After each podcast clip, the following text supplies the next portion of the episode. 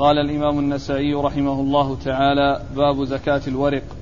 قال أخبرنا يحيى بن حبيب بن عربي عن حماد أنه قال حدثنا يحيى وهو ابن سعيد عن عمرو بن يحيى عن أبيه عن أبي سعيد الخدري رضي الله عنه أنه قال قال رسول الله صلى الله عليه وآله وسلم ليس فيما دون خمس أواق صدقة ولا فيما دون خمس ذود صدقة وليس فيما دون خمسة أوسق صدقة. بسم الله الرحمن الرحيم. الحمد لله رب العالمين وصلى الله وسلم وبارك على عبده ورسوله نبينا محمد وعلى آله وأصحابه أجمعين. أما بعد يقول النسائي رحمه الله باب زكاة الورق. والمراد بالورق الفضة ومثلها ما يقوم مقامها من الأوراق النقدية. وقد أورد النسائي رحمه الله حديث أبي سعيد الخدري الذي سبق أن مر من طرق عديدة عند ذكر زكاة الإبل أورده هنا عند ذكر زكاة الورق لأنه مشتمل على هذا وذاك وهو قوله عليه الصلاة والسلام ليس فيما دون خمس خمس أواق صدقة. ولا فيما دون خمس ذود صدقة ولا ما دون آه ما دون خمسة ولا أوسق. و خمسة أوسق. ولا ما دون خمسة أوسق صدقة. أورده هنا من أجل الجملة الأولى وهي ليس فيما, ليس فيما دون خمس أواق صدقة. والأواق جمع أوقية. والأوقية أربعون درهما. أي فيكون النصاب مئة درهم مئتي درهم. يكون مئتي درهم وهي تعادل بالنقد السعودي الفضي ستة وخمسون ريالا. مئة درهم تعادل ستة وخمسون ريال ستة وخمسين ريالا من الفضة. أما النصاب من الورق فقيمة ستة وخمسين من الفضة قيمتها في السوق عندما يحول الحول. هذا هو مقدار النصاب. فإن كانت قيمة الريال الفضي عشرة أريل من الورق يكون النصاب 560 وإن كان أقل أو أكثر فإنها تختلف القيمة. ومعرفة النصاب يحتاج إليه إذا قل المال. وكان في حدود هل يصل إلى حد الزكاة أو لا عند ذلك يحتاج إلى معرفة النصاب. أما إذا كان المال كثيرا وفيرا فإنه يخرج منه ربع العشر ولا يحتاج إلى معرفة النصاب. لأن معرفة النصاب يحتاج إليها إذا دار الأمر بين كونه يعني تحل فيه الزكاة أو ما تحل هل فيه زكاة ولا ما فيه زكاة؟ هل يبلغ إلى حد أنه يزكى أو أنه لم يبلغ حد أنه يزكى؟ فإذا كان قليلا في حدود خمس أواق فأقل إذا كان أقل من خمس أواق فإنه لا زكاة فيه. وإذا كان خمس أواق فأكثر وهو مائة درهم فإنه يكون فيه الزكاة. وإذا كان ستة وخمسين من الفضة أو ما يقوم مقامها مما يعني قيمته آه، مما قيمة هذا المقدار فإنها تكون وجبت فيه الزكاة. وإذا كان دون ذلك فإنه لا زكاة فيه. وعلى هذا فالحديث دال على بيان نصاب الفضة وأن ما دون النصاب لا زكاة فيه وذلك في قوله صلى الله عليه وسلم ليس فيما دون خمس أواق صدقة. أما ما يتعلق بزكاة الإبل فقد مر وما يتعلق بزكاة الحبوب والثمار فإنه سيأتي. وأما إسناد الحديث فيقول النسائي أخبرنا يحيى بن حبيب بن عربي وهو ثقة أخرج حديثه مسلم وأصحاب السنن الأربعة. عن حماد وهو بن زيد بن درهم وهو ثقة أخرج له أصحاب الكتب الستة. وإذا جاء حماد غير منسوب ويروي عنه يحيى بن حبيب بن عربي فالمراد به حماد بن زيد. المراد به حماد بن زيد. أيوه عمن عن يحيى وهو ابن سعيد. عن يحيى وهو بن سعيد يعني الأنصاري وهو ثقة أخرج له أصحاب الكتب الستة. عن؟ عن عمرو بن يحيى. عن عمرو عن عمرو بن يحيى بن عمارة المازني وهو ثقة أخرج حديثه أصحاب الكتب الستة. عن أبيه؟ نعم. وهو ثقة أيضا أخرج حديثه أصحاب الكتب الستة. عن أبي سعيد. عن أبي سعيد الخدري وهو سعد بن مالك بن سنان. الخدري مشهور بكنيته ونسبته ولكن تأتي نس... كنيته كثيرا ولا يأتي بدون يأتي بالنسبة بدون الكنية وإن كان مشهورا بها فلا يقال الخدري بدون أبو سعيد وإنما يقال أبو سعيد أو يقال أبو سعيد الخدري. واسمه سعد بن مالك بن سنان لكنه مشهور بكنيته أبو سعيد وهو الذي اشتهر من أصحاب رسول الله صلى الله عليه وسلم بهذه الكنية. وفي أصحاب رسول الله صلى الله عليه وسلم من يكن بأبي سعيد ولكنه ما اشتهر بها مثل عبد الرحمن بن سمرة. عبد الرحمن بن سمرة كنيته أبو سعيد لكنه ليس مشهورا بهذه الكنية وإنما الذي اشتهر بها هو سعد بن مالك بن سنان صاحب رسول الله صلى الله عليه وسلم وهو أحد السبعة المعروفين بكثرة الحديث عن النبي صلى الله عليه وسلم وهم أبو هريرة وابن عمر وابن عباس وأبو سعيد وجابر وأنس وأم المؤمنين عائشة. هؤلاء سبعة أشخاص معروفون بكثرة الحديث عن النبي صلى الله عليه وسلم ومنهم أبو سعيد الخدري الذي معنا في الإسناد. نعم. قال أخبرنا محمد بن سلمة قال أخبرنا ابن القاسم عن مالك أنه قال حدثني محمد بن عبد الله بن عبد الرحمن بن أبي صعصع المازني عن أبيه عن أبي سعيد عن أبي سعيد الخدري رضي الله عنه أن رسول الله صلى الله عليه وآله وسلم قال ليس فيما دون خمسة أوسق من التمر صدقة. وليس فيما دون خمس أواق من الورق صدقة وليس فيما دون خمس ذود من الإبل صدقة.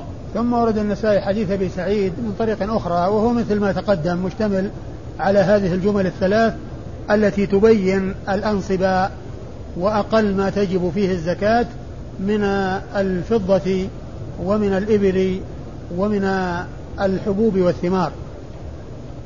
وأما إسناد الحديث فيقول النسائي أخبرنا محمد بن سلمة. أخبرنا محمد بن سلمة وهو المرادي المصري وهو ثقة أخرج حديثه مسلم وأبو داود والترمذي والنسائي.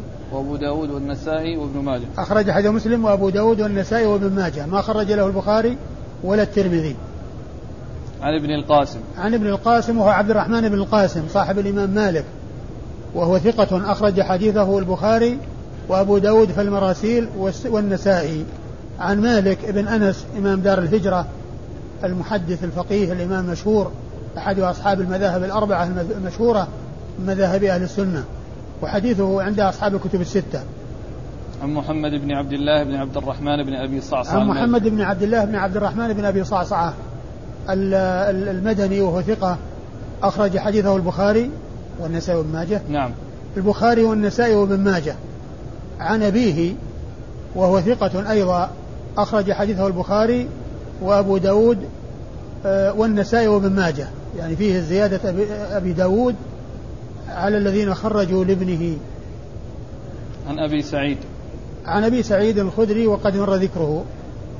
قال أخبرنا هارون بن عبد الله قال حدثنا أبو أسامة عن الوليد بن كثير عن محمد بن عبد الرحمن بن أبي صعصعة عن يحيى بن عمارة وعباد بن تميم عن أبي سعيد الخدري رضي الله عنه أنه سمع رسول الله صلى الله عليه وآله وسلم يقول لا صدقة فيما دون خمسة أوساق من التمر ولا فيما دون خمس أواق من الورق صدقة ولا فيما دون خمس ذود من الإبل صدقة.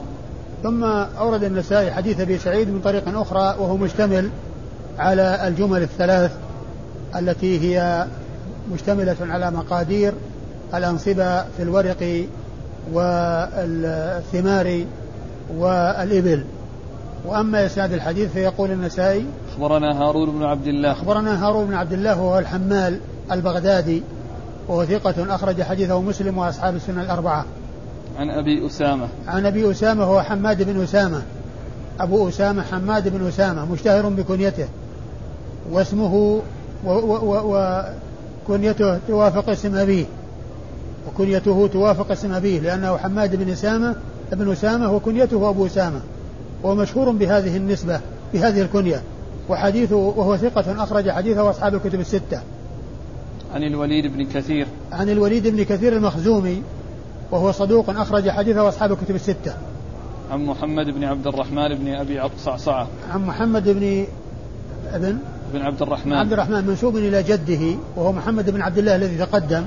يأتي منسوبا إلى جده يقال محمد بن عبد الرحمن وهو محمد بن عبد الله الذي مر في الإسناد المتقدم عن أبيه. عن يحيى بن عمارة. عن يحيى بن عمارة ويحيى بن بن عمارة هو ثقة أخرج حديث أصحاب الكتب الستة.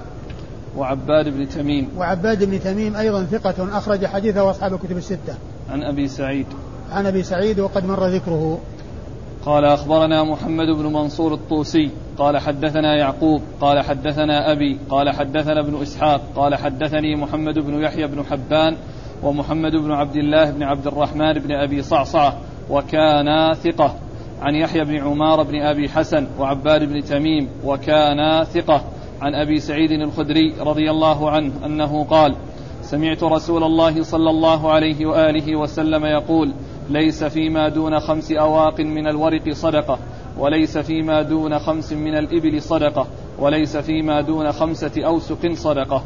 ثم ورد حديث أبي سعيد وهو مثل ما تقدم من طريق أخرى وهو مشتمل على الجمل الثلاث المتقدمة في الطرق المتقدمة. وإسناد الحديث يقول النسائي أخبرنا محمد بن منصور الطوسي. أخبرنا محمد بن منصور الطوسي وهو ثقة أخرج حديثه أبو داود والنسائي وابن ماجه؟ لا أبو داود والنسائي فقط. أبو داود والنسائي نعم. عن يعقوب. عن يعقوب آه ابن إبراهيم ابن سعد بن إبراهيم وهو ثقة أخرج حديثه أصحاب الكتب الستة. عن أبيه. عن أبيه وهو كذلك ثقة أخرج له أصحاب الكتب الستة. عن ابن إسحاق. عن ابن إسحاق وهو محمد بن إسحاق المدني صاحب المغازي وهو صدوق يدلس وحديثه أخرجه البخاري تعليقا ومسلم وأصحاب السنن الأربعة. عن محمد بن يحيى بن حبان. عن محمد بن يحيى بن حبان وهو ثقة أخرج حديثه وأصحاب الكتب الستة.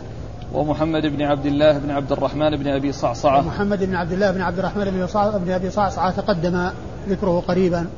قال وكان ثقة. وكان ثقة الاثنين كل منهما ثقة. عن يحيى بن عمارة بن أبي حسن. عن يحيى بن عمارة المازني وعباد بن تميم وقد مر ذكرهما. عن أبي سعيد. عن أبي سعيد وقد مر ذكره. قال أخبرنا محمود بن غيلان قال حدثنا أبو أسامة قال حدثنا سفيان عن أبي إسحاق عن عاصم بن ضمرة عن علي رضي الله عنه أنه قال قال رسول الله صلى الله عليه وآله وسلم قد عفوت عن الخير والرقيق فأدوا زكاة أموالكم من كل مائتين خمسة.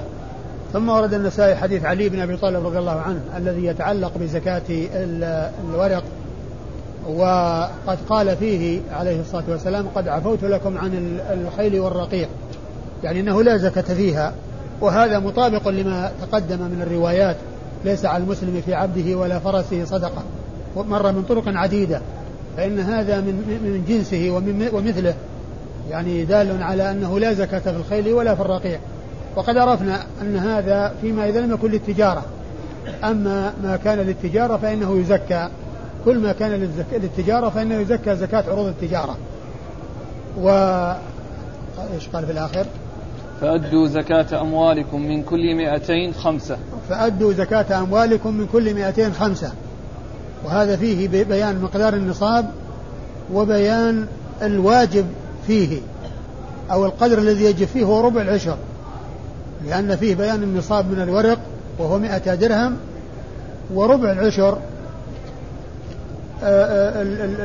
الذي هو يعني آه، خمسة. كل إيش؟ من كل 200 نعم. من كل 200 خمسة. من كل 200 خمسة. يعني هي ربع العشر. ربع العشر ورد يعني أن أن أن أن, أن الزكاة هي ربع العشر. وهنا يعني ال 200 عشرها ال 200 ال 200 يعني آه، عشرها آه، آه، أربعين عشرها عشرين. وربعها خمس. وربعها خمس نعم. ربع العشر. إسناد. نعم. لأن في المئتين اثنين ونص. نعم. المئتين فيها خمسة. أيها الإسناد. قال أخبرنا محمود بن غيلان. أخبرنا محمود بن غيلان وهو المروزي وهو ثقة. أخرج حديثه أصحاب الكتب الستة إلا أبا داود. عن أبي أسامة. عن أبي أسامة وقد مر ذكره قريبا. عن سفيان. عن سفيان هو الثوري. سفيان بن سعيد بن مسروق الثوري. ثقة ثبت وصف بأنه أمير المؤمنين في الحديث وحديثه أخرجه أصحاب الكتب الستة. عن أبي إسحاق. عن أبي إسحاق السبيعي وهو عمرو بن عبد الله الهمداني السبيعي. عمرو بن عبد الله الهمداني السبيعي مشهور بكنية أبي إسحاق وهو ثقة أخرج حديثه أصحاب الكتب الستة. عن عاصم بن ضمرة. عن عاصم بن ضمرة وهو صدوق أخرج له أصحاب السنة الأربعة. عن علي رضي الله عنه عن علي علي بن أبي طالب رضي الله عنه أمير المؤمنين ورابع الخلفاء الراشدين وصاحب المناقب الجمة والفضائل الكثيرة رضي الله تعالى عنه وأرضاه وحديثه عند أصحاب الكتب الستة.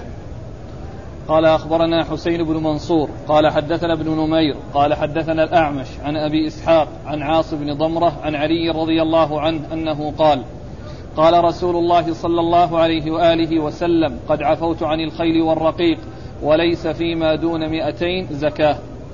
ثم ورد النسائي حديث علي من طريق أخرى وهو مشتمل على ما تقدم إلا أنه فيه بيان النصاب. وأنه لا زكاة فيما دون النصاب. بخلاف الطريقة السابقة فإنها بيان مقدار ما يخرج من الزكاة وأنها ربع العشر. وأما إسناد الحديث فيقول النسائي أخبرنا حسين بن منصور. وإيش قال فيه؟ ثقة أخرج له البخاري والنسائي. وهو ثقة أخرج حديثه البخاري والنسائي. عن ابن نمير. عن ابن نمير وهو عبد الله بن نمير. وهو ثقة أخرج له أصحاب الكتب الستة. عن الأعمش. عن الأعمش وهو سليمان بن مهران الكاهلي الكوفي وهو ثقة أخرج له أصحاب الكتب الستة والأعمش لقب اشتهر به واسمه سليمان بن مهران. عن أبي إسحاق عن عاصم بن ضمرة عن علي رضي الله عنه. عن أبي إسحاق عن عاصم عن علي رضي الله عنه وقد مر ذكر هؤلاء الثلاثة. قال باب زكاة الحلي. قال أخبرنا إسماعيل بن مسعود قال حدثنا خالد عن حسين عن عمرو بن شعيب عن أبيه عن جده. رضي الله عنه أن امرأة من أهل اليمن أتت رسول الله صلى الله عليه وآله وسلم وبنت لها في يد ابنتها مسكتان غليظتان من ذهب فقال أتؤدين زكاة هذا؟ قالت لا. قال أيسرك أن يسورك الله عز وجل بهما يوم القيامة سوارين من نار؟ قال فخلعتهما فألقتهما إلى رسول الله صلى الله عليه وآله وسلم فقالت هما لله ولرسوله صلى الله عليه وآله وسلم. ثم أورد النسائي هذه الترجمة وهي زكاة الحلي وأطلق الترجمة والعلماء لهم فيها خلاف منهم من قال بوجوبها وجوب الزكاة فيها أي الحلي ومنهم من قال بعدم وجوب الزكاة فيه. والذين قالوا بالوجوب استدلوا بهذا الحديث وغيره من الأحاديث الدالة على ذلك. وكذلك بعموم الأدلة الدالة على وجوب الزكاة في الذهب والفضة وأنه ما من صاحب ذهب ولا فضة لا يؤدي زكاتها. فإن فإن الذين قالوا بالزكاة في الحلي استدلوا بتلك العمومات واستدلوا بهذه الأشياء الخاصة التي جاءت في التنصيص على زكاة الحلي. والمقصود أن الحلي سواء كان ذهبا أو فضة يعني إذا بلغ نصابا فإنه تجب فيه الزكاة. ومقدار الزكاة ربع العشر سواء كان ذلك من الذهب أو من الفضة. وقد أورد النسائي حديث آه، عبد الله بن عمرو بن العاص رضي الله تعالى عنهما الذي فيه أن امرأة من أهل اليمن جاءت ومعها ابنة لها وعليها مسكتان غليظتان وهما سواران يعني في يدي يديها فقال أتؤدين زكاة هذا؟ قالت لا. قال أتحبين أن يسورك الله بهما سوارين من نار؟ فألقتهما وقالت هما صدقة لله ولرسوله صلى الله عليه وسلم. والحديث استدل به على وجوب الزكاة في الحلي لأن النبي صلى الله عليه وسلم لما قال تؤدين زكاة هذا؟ وسألها هل تؤدي؟ معناه أن فيه زكاة. وعندما قالت لا قال أتحبين أن يسورك الله؟ وهذا فيه دليل على أن الذهب والفضة أنه يزكى مطلقا. أي ذهب؟ أي ذهب سواء كان للاستعمال أو لغير الاستعمال. سواء كان على على صورة يعني النقود وعلى أو على صورة الحلي أو على أي حالة كانت. ما دام ذهب وفضة فإنها تجب الزكاة فيه. إذا بلغ نصابا فأكثر. الإسناد قال أخبرنا إسماعيل بن مسعود. أخبرنا إسماعيل بن مسعود أبو مسعود البصري وهو ثقة أخرج حديثه النسائي وحده. عن خالد. عن خالد وهو بن الحارث البصري وهو ثقة أخرج له أصحاب الكتب الستة. عن حسين. عن حسين بن ذكوان المعلم وهو ثقة أخرج حديثه أصحاب الكتب الستة. عن عمرو بن شعيب. عن عمرو بن شعيب ابن محمد ابن عبد الله بن عمرو بن العاص وعمر صدوق أخرج حديثه البخاري في جزء القراءة وأصحاب السنن الأربعة. يروي عن أبيه وأبوه شعيب ابن محمد ابن عبد الله بن عمرو. وهو صدوق صدوق أيضا أخرج حديثه البخاري في الأدب المفرد وفي جزء القراءة وأصحاب السنن الأربعة. و آه، وقد ثبت سماعه من جده عبد الله بن عمرو. وقد ثبت سماعه من جده عبد الله بن عمرو بن العاص فيكون متصلا ولا انقطاع فيه كما قال ذلك الحافظ بن حجر. وشعيب يروي عن جده عمرو عبد الله بن عمرو. عبد الله بن عمرو بن العاص صاحب رسول الله صلى الله عليه وسلم صحابي ابن صحابي وهو أحد الصحابة المشهورين بكتابة الحديث عن النبي صلى الله عليه وسلم كما جاء في حديث أبي هريرة وحديثه أخرجه أصحاب الكتب الستة. ويقولون في حديث عمرو بن شعيب عن أبيه عن جده إذا صح الإسناد وثبت إلى عمرو فهو من قبيل الحسن. هو من قبيل الحسن. إذا كان الإسناد إلى عمرو بن شعيب يعني آه، مستقيما فإنه يكون من قبيل الحديث الحسن لأن عمرو لأن عمرو صدوق وأبوه آه، شعيب صدوق فحديثهما من قبيل الحسن نعم. قال أخبرنا محمد بن عبد الأعلى قال حدثنا المعتمر بن سليمان قال حدث قال سمعت حسينا قال حدثني عمرو بن شعيب أنه قال جاءت امرأة ومعها بنت لها إلى رسول الله صلى الله عليه وآله وسلم وفي يد ابنتها مسكتان نحوه مرسل قال أبو عبد الرحمن خالد أثبت من المعتمر.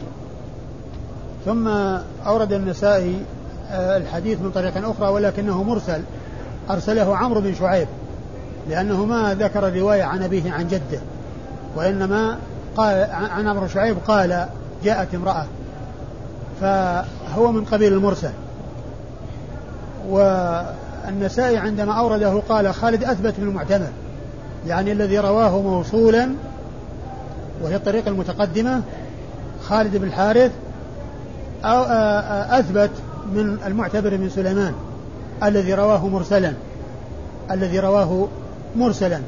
وعلى هذا فالطريقة المرسلة تتفق مع مع الموصولة والمعتمد والاعتماد على الموصولة. الاعتماد الموصولة والمرسلة لا تختلف عنها بل هم بل هي متفقة معها في بيان الحكم وهو آه وجوب الزكاة في الحلي. أيوة الإسناد قال أخبرنا محمد بن عبد الأعلى. أخبرنا محمد بن عبد الأعلى الصنعاني وهو ثقة الصنعاني البصري وهو ثقة أخرج حديث مسلم وأبو داود في كتاب القدر وأبو داود وأبو داود في كتاب القدر والترمذي والنسائي وابن ماجه. عن المعتمر وهو بن سليمان بن طرخان التيمي وهو ثقة أخرج له أصحاب الكتب الستة. عن حسين عن عمرو بن شعيب. عن عمرو بن شعيب وقد مر ذكرهما. حسين هو المعلم حسين بن ذكوان المعلم وقد مر ذكرهما. يعني نسبة المعلم كان يشتغل مهنة التعليم. نعم. يعني قولهم المعلم. نعم. كان يشتغل يعني يشتغل بالتعليم نعم. معلم الصبيان ومعلم نعم. قال باب مانع زكاة ماله. قال أخبرنا الفضل بن سهل قال حدثنا أبو النضر هاشم بن القاسم قال حدثنا عبد العزيز بن عبد الله بن أبي سلمة عن عبد الله بن دينار عن ابن عمر رضي الله عنهما أنه قال قال رسول الله صلى الله عليه وآله وسلم إن الذي لا يؤدي زكاة ماله يخيل إليه ماله يوم القيامة شجاعا أقرع له زبيبتان. قال فيلتزمه أو يطوقه قال يقول أنا كنزك أنا كنزك. ثم ورد النسائي هذه الترجمة وهي باب من لم يؤدي زكاة ماله. باب, باب مانع زكاة ماله. باب مانع زكاة ماله يعني عقوبته في الآخرة وأنه يعاقب بهذه العقوبة وهي أنه آآ آآ التي جاءت في الحديث حديث من؟ هذا حديث ابن عمر. حديث عبد الله بن عمر رضي الله تعالى عنهما أن الذي لا يؤدي زكاة ماله يخيل له يوم القيامة شجاعا أقرع. يعني يجعل على هيئة شجاع أقرع وهي الدابة الغليظة الخبيثة. آه، أقرع يعني آه، الذي آه، تساقط شعره من كثرة سمه وشدة سمه. له زبيبتان وقيل فيهما أنهما نقطتان سوداوان عند عينيه. أو قيل غير ذلك يعني ومعنى ذلك أنه منظر كريه يعني في غاية الكراهية. فيلتزمه و إيش؟ فيلتزمه أو يطوقه. يلتزمه أو يطوقه يعني يكون طوقا في عنقه يكون طوقا في عنقه. يقول أنا كنزك أنا كنزك. يعني فيعذب بماله الذي لم يؤدي زكاته يعذب بنفس المال الذي لم يؤدي زكاته وقد عرفنا فيما مضى أنه آه، يصفح له صفائح آه، الذي لا يؤدي زكاة ماله من ذهب ولا فضة يصفح له صفائح من, من نار فيكوى بها جنبه وجبهته وجبينه ويحمى عليها في نار جهنم فيكوى بها يعني تلك المواضع من جسده. ولا تنافي بين ما جاء في هذا الحديث من كونه يكون على صورة شجاع أقرع وكونه يعني يأتي آه، ويحمى على ماله الذي لم يؤدي زكاته ويكوى بها يمكن أن يعذب بهذا وبهذا. وأحيانا يكون كذلك وأحيانا أحيانا يكون كذلك. والإسناد؟ قال أخبرنا الفضل بن سهل. أخبرنا الفضل بن سهل وهو ثقة. نعم. صدوق. أخرج حديثه وهو صدوق. وهو صدوق أخرج حديث أصحاب الكتب الستة لابن ماجه. نعم. صدوق أخرج حديثه وأصحاب الكتب الستة لابن ماجه. عن أبي النضر هاشم بن القاسم وهو ثقة أخرج حديثه أصحاب الكتب الستة عن عبد العزيز بن عبد الله بن أبي سلمة عن عبد العزيز بن عبد الله بن أبي سلمة الماجشون وهو ثقة أخرج حديثه واصحاب الكتب الستة. عن عبد الله بن دينار. عن عبد الله بن دينار المدني وهو ثقة أخرج حديثه واصحاب الكتب الستة. عن, عن عبد الله بن عمر بن عبد بن ابن ابن, ابن الخطاب رضي الله تعالى عنهما وهو صحابي جليل وهو أحد العبادلة الأربعة من أصحاب رسول الله صلى الله عليه وسلم وأحد السبعة المعروفين بكثرة الحديث عن النبي صلى الله عليه وسلم وهم عبد الله بن عمر هذا وعبد الله بن عمرو الذي مر في الإسناد الذي قبل هذا وعبد الله بن الزبير وعبد الله بن عباس. هؤلاء هم العبادله الأربعة. وهو أيضا أحد السبعة المعروفين بكثرة الحديث عن النبي صلى الله عليه وسلم. قال أخبرنا الفضل بن سهل قال حدثنا حسن بن موسى الأشيب قال حدثنا عبد الرحمن بن عبد الله بن دينار المدني عن أبيه عن أبي صالح عن أبي هريرة رضي الله عنه عن النبي صلى الله عليه وآله وسلم أنه قال من آتاه الله عز وجل مالا فلم يؤدي زكاته مثل له ماله يوم القيامة شجاعا أقرع له زبيبتان يأخذ بلهزمتيه يوم القيامة فيقول أنا مالك أنا كنزك. ثم تلا هذه الآية ولا يحسبن الذين يبخلون بما آتاهم الله من فضله الآية. ثم ورد النسائي حديث عبد الله بن عمر. حديث حديث أبي هريرة. حديث أبي هريرة رضي الله عنه من طريق حديث أبي هريرة رضي الله عنه. الذي هو دال أو مشتمل على ما اشتمل عليه حديث عبد الله بن عمر. وهو أن الذي لا يؤدي زكاته يخيل له يوم القيامة ويمثل له شجاعا أقرع فيأخذ بلهزمتيه. وقيل أنه المراد باللهزمتين يعني شدقيه أو هما العظمان الناتئان في آه، بين الرأس وبين اللحيين ويلتزمه ويأخذ بلهزمتيه ويقول أنا كنزك أنا مالك يعني أنه يعذب به ثم تلا الآية. ولا يحسب الذين يبخلون بما آتاهم من فضله هو خيرا لهم بل هو شر لهم سيطوقون ما بخلوا به يوم القيامة. نعم. قال أخبرنا الفضل بن سهل. الفضل بن سهل مر ذكره. عن حسن بن موسى الأشيب. عن حسن بن موسى الأشيب وهو ثقة أخرج حديثه أصحاب الكتب الستة. عن عبد الرحمن بن عبد الله بن دينار المدني. عن عبد الرحمن بن عبد الله بن دينار المدني وهو صدوق يخطئ وأخرج حديثه البخاري وأبو داود والترمذي والنسائي. نعم. البخاري وأبو داود والترمذي والنسائي. عن أبيه. عن أبيه عبد الله وقد مر ذكره. عن أبي عن أبي صالح. صالح وهو ذكوان السمان مشهور بكنيته ومشهور باسمه. فاسمه ذكوان ولقبه السمان ويقال الزيات لأنه كان يبيع السمن ويبيع الزيت فيقال له السمان ويقال له الزيات واسمه ذكوان وهو مدني ثقة أخرج حديثه أصحاب الكتب الستة. يروي عن أبي هريرة عبد الرحمن بن صخر الدوسي رضي الله عنه وهو أحد وهو أكثر الصحابة حديثا على الإطلاق رضي الله عنه وأرضاه. قال زكاة التمر.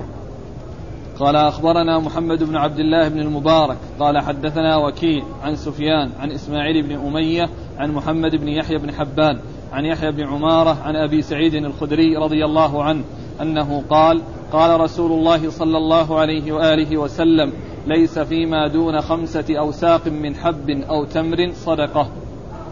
ثم ورد النسائي حديث أبي سعيد رضي الله عنه ليس فيما أو دون أورد أورد باب زكاة التمر. نعم باب زكاة التمر. يعني آه، مقدار النصاب فيها وأن فيها زكاة ومقدار النصاب.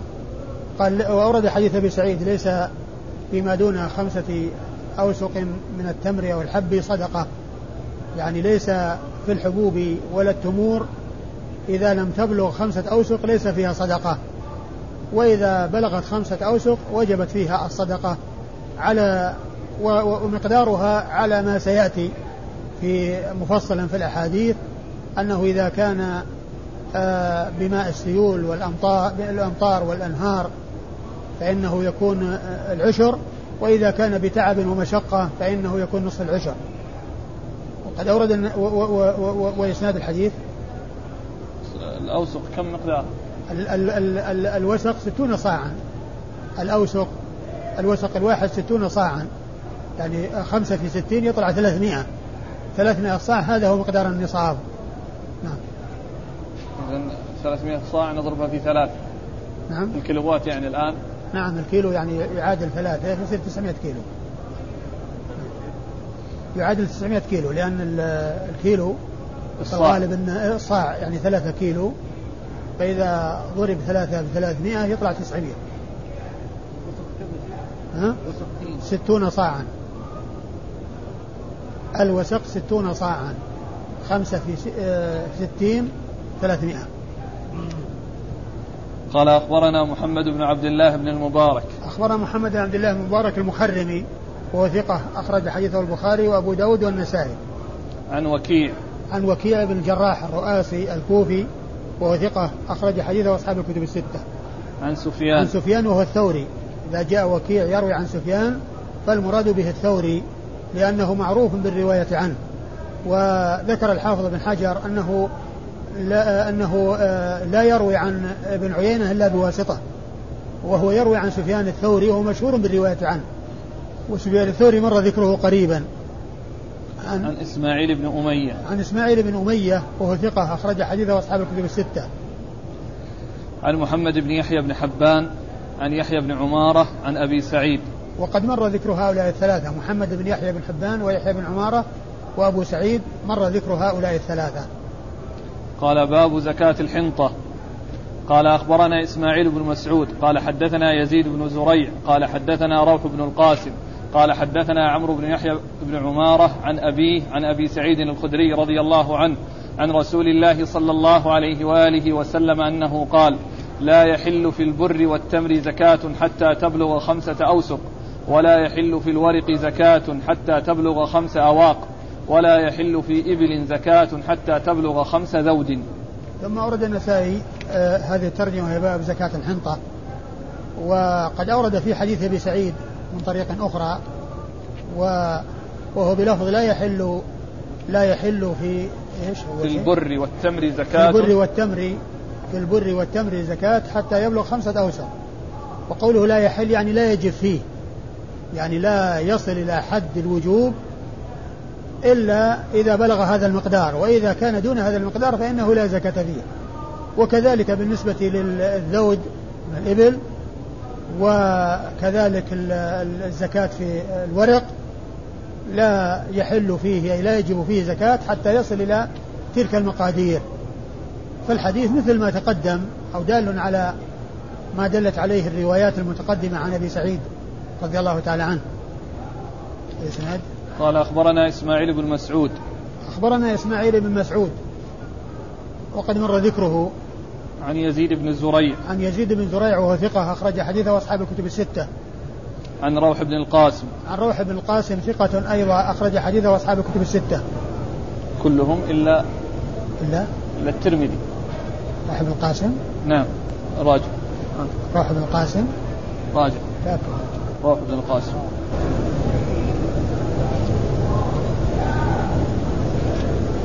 وهو وهو آخر شيء اللي مر بنا أمس روح بن عبادة.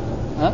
اللي مر بنا أمس روح بن عبادة ولا روح بن القاسم؟ أمس؟ إيه يعني مر علينا الذي الذي خالف وكيع اللي قال يعني انفرد وكيع. من التلميذ. ها؟ روح بن القاسم لا لا روح بن القاسم روح بن القاسم إيه، أمس اللي مر معنا روح بن عبادة بن علاء القيس. إيه روح بن عبادة. إيه؟ هو الذي مر بنا أمس؟ نعم. الذي الذي يعني كان يروي مسلم بن شعبة. أي نعم هو ذاك. مسلم بن شعبة نعم. ذاك روح بن عبادة روح بن عبادة. أي نعم. أي وهذاك رواه السته أيه. وهذا يروى عنه كل أي نعم. روح بن القاسم أخرج حديثه أصحاب الكتب الستة إلا الترمذي. أيوه. عن عمرو عن عمرو بن يحيى بن عمارة. أيوه عن أبيه عن أبي سعيد. نعم. وقد مر ذكر هؤلاء الثلاثة. أحسن الله إليك. هنا قال باب زكاة الحنطة. فهل الحنطة هي البر؟ هي البر نعم. ولهذا جاب البر هو في الحديث التمر والبر. فالبر هو الحنطة. قال باب زكاة الحبوب. قال أخبرنا محمد بن المثنى قال حدثنا عبد الرحمن قال حدثنا سفيان عن إسماعيل بن أمية عن محمد بن يحيى بن حبان عن يحيى بن عمارة عن أبي سعيد الخدري رضي الله عنه أن النبي صلى الله عليه وآله وسلم قال ليس في حب ولا تمر صدقة حتى تبلغ خمسة أوسق ولا فيما دون خمس ذود ولا فيما دون خمس أواق صدقة.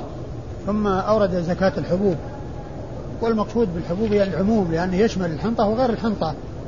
لكن هناك نص عليه لأنه جاء في ذكر البر وهنا أتى بالترجمة وأتى بالحديث من أجل ذكر الحب الذي هو المقصود به الحبوب.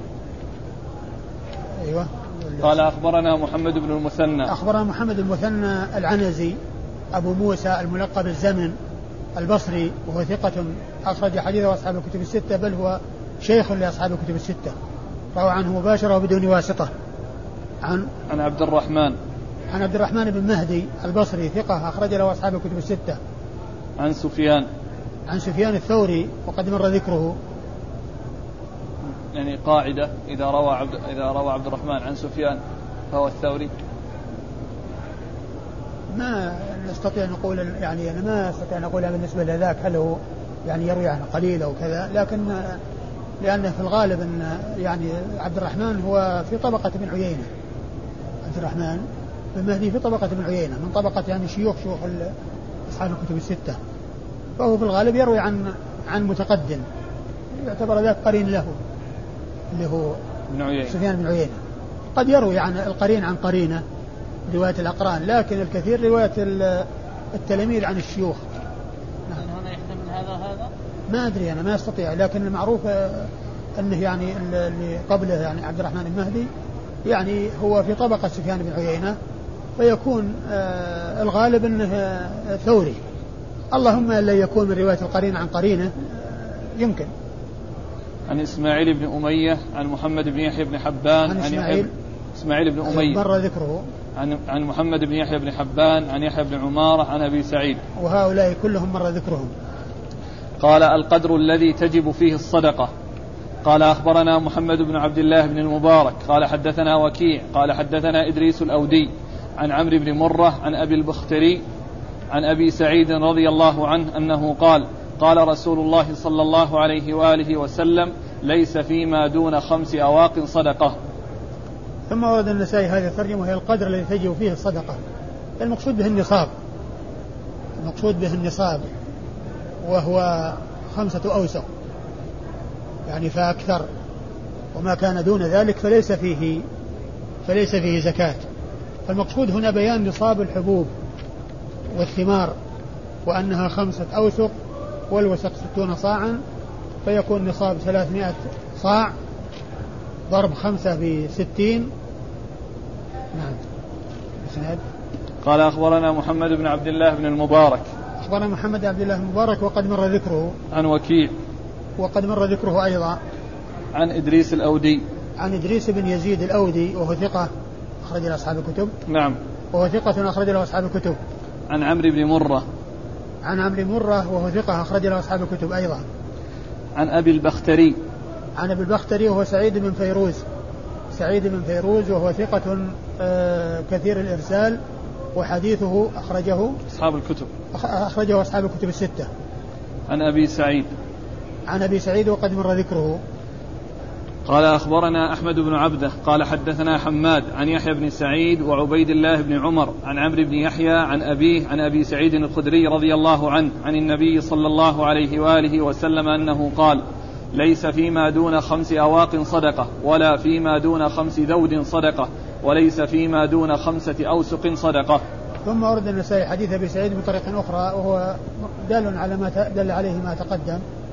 وإسناد الحديث يقول أخبر النسائي أخبرنا أحمد بن عبده وهو الضبي وهو ثقة أخرج حديثه مسلم وأصحاب السنة. مسلم وأصحاب السنة الأربعة. عن حماد. عن حماد وهو بن زيد بن درهم وهو ثقة أخرج له أصحاب الكتب الستة. عن يحيى بن سعيد. عن يحيى بن سعيد وهو الأنصاري وقد مر ذكره. وعبيد الله وعبيد الله, الله بن عمر. وعبيد الله بن عمر العمري وهو ثقة أخرج حديثه أصحاب الكتب الستة. عن عمرو بن يحيى عن أبيه عن أبي سعيد. عن عمرو بن يحيى عن أبيه عن أبي سعيد وقد مر ذكر هؤلاء الثلاثة. قال أخبرنا هارون بن سعيد بن الهيثم أبو جعفر الأيلي قال حدثنا ابن وهب قال أخبرنا يونس عن ابن شهاب عن سالم عن أبيه أن رس عن أبيه رضي الله عنه أن رسول الله صلى الله عليه وآله وسلم قال فيما سقت السماء والأنهار والعيون أو كان بعل العشر وما سقي بالثواني والنضح نصف العشر. ثم أورد النسائي هذه الترجمة وهي ما يوجب نصف ما يوجب العشر ويوجب نصف العشر. يعني بيان مقدار الزكاة إذا كانت عشرا وإذا كانت نصف عشر. متى تكون عشرا؟ عشر الخارج من الأرض ومتى تكون نصف العشر. وقد أورد حديث عبد الله بن عمر رضي الله تعالى عنهما الذي يقول فيه النبي صلى الله عليه وسلم فيما سقت السماء والأنهار والعيون أو كان بعلا العشر وما سقي بالنضح أو السواني. أو وما سقي بالسواني والنضح نصف العشر. وما سقي بالسواني والنضح العشر نصف العشر. فقوله فيما سقت السماء أي المطر أو الأنهار الأنهار الجارية أو العيون التي تنبع من الجبال وتسقي الزروع أو كان بعلا وهو النخل أو الزرع الذي يشرب الذي يشرب بعروقه ولا يحتاج إلى سقي لقرب الماء منه. كل ذلك يكون الزكاة فيه العشر لأن ما حصل عليه فيه كلفة ومشقة. أما ما كان بكلفة ومشقة وهو الذي يكون عن طريق السواني والنضح وهي استخراجه عن طريق النواضح التي هي الإبل التي يستقى عليها ومثل ذلك استخراجه عن طريق المضخات والمكاين التي يستنبط بها الماء من الأرض. فإنه تكون الزكاة نصف العشر. وعلى هذا فالتفريق بين ما فيه العشر وما ما فيه نصف العشر. يرجع إلى المشقة وإلى عدم المشقة والكلفة وعدم الكلفة. فالذي لا كلفة فيه ولا مشقة على صاحبه وهو خير ساقه الله إليه بدون عناء ومشقة فإنه يكون فيه العشر. وما كان آه، سقيه يكون بتعب وبجهد وبصرف أموال عليه فإن هذا يكون فيه نصف العشر. أيها الإسناد قال أخبرنا هارون بن هارون بن سعيد بن الهيثم أبو جعفر الأيلي. أخبرنا هارون بن سعيد بن الهيثم أبو جعفر الأيلي وهو ثقة. نعم. أخرج, أخرج له, له مسلم وأبو داود والنسائي وابن ماجه. وهو ثقة أخرج حديثه مسلم وأبو داود والنسائي وابن ماجه. عن ابن وهب. عن ابن وهب عبد الله بن وهب المصري ثقة. أخرج له أصحاب الكتب الستة. عن يونس. عن يونس بن يزيد الأيلي ثم المصري وهو ثقة. أخرج حديثه أصحاب الكتب الستة. عن ابن شهاب. عن ابن شهاب محمد بن مسلم بن عبيد الله بن شهاب الزهري ثقة فقيه آه، أخرج حديثه أصحاب الكتب الستة. عن سالم. عن سالم بن عبد الله بن عمر بن الخطاب وهو ثقة فقيه أحد فقهاء المدينة السبعة في عصر التابعين على أحد الأقوال الثلاثة في السابع منهم الذي قيل أنه سالم هذا وقيل أبو بكر بن عبد الرحمن بن الحارث بن هشام وقيل أبو سلمة بن عبد الرحمن بن عوف. فهو السابع من الفقهاء السبعة على أحد الأقوال الثلاثة في السابع منهم. وأما الستة ال ال ال الآخرون فإنه متفق على عدهم في الفقهاء السبعة. وهم عبيد الله بن عبد الله بن عتبة بن مسعود وعروة بن الزبير بن العوام وخارجة بن زيد بن ثابت وسعيد بن بن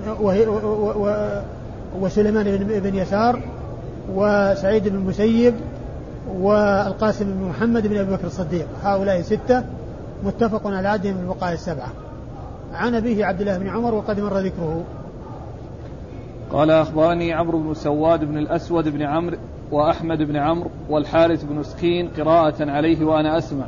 عن ابن وهب قال أخبرنا عمرو بن الحارث أن أبا الزبير حدثه أنه سمع جابر بن عبد الله رضي الله عنهما يقول إن رسول الله صلى الله عليه وآله وسلم قال فيما سقت السماء والأنهار والعيون العشر.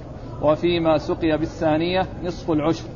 ثم ورد النسائي حديث جابر وهو مثل حديث ابن عمر المتقدم بيان ما يجب فيه العشر وما يجب فيه نصف العشر وهو مثله تماما. والسواني هي النواضح التي يسنى عليها يعني كالإبل التي يستخرج الماء بواسطتها. هذه يقال لها نواضح والواحد يقال له ناضح. والإسناد أخبرنا عمرو بن سواد بن الأسود. بن أخبرنا عمرو بن سواد بن الأسود وهو وهو ثقة أخرج له مسلم وأبو داود والنسائي وابن ماجه. وهو ثقة أخرج حديثه مسلم وأبو داود. والنسائي وابن ماجه.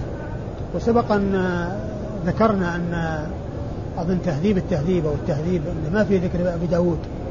وأن مسلم وأبو داود مسلم والنسائي وابن ماجه. عمرو بن سواد. هذا وفي التقريب كيف؟ في التقريب موجود في هذا الشيء في أبو داود إيه موجود في أبو داود لكن في تهذيب التهذيب أو التهذيب التهذيبين يعني ليس فيها ذكر أبو داود إيش؟ يقول الأخ كذلك في تهذيب الكمال ليس فيه ذكر أبي داود أيه وش قال؟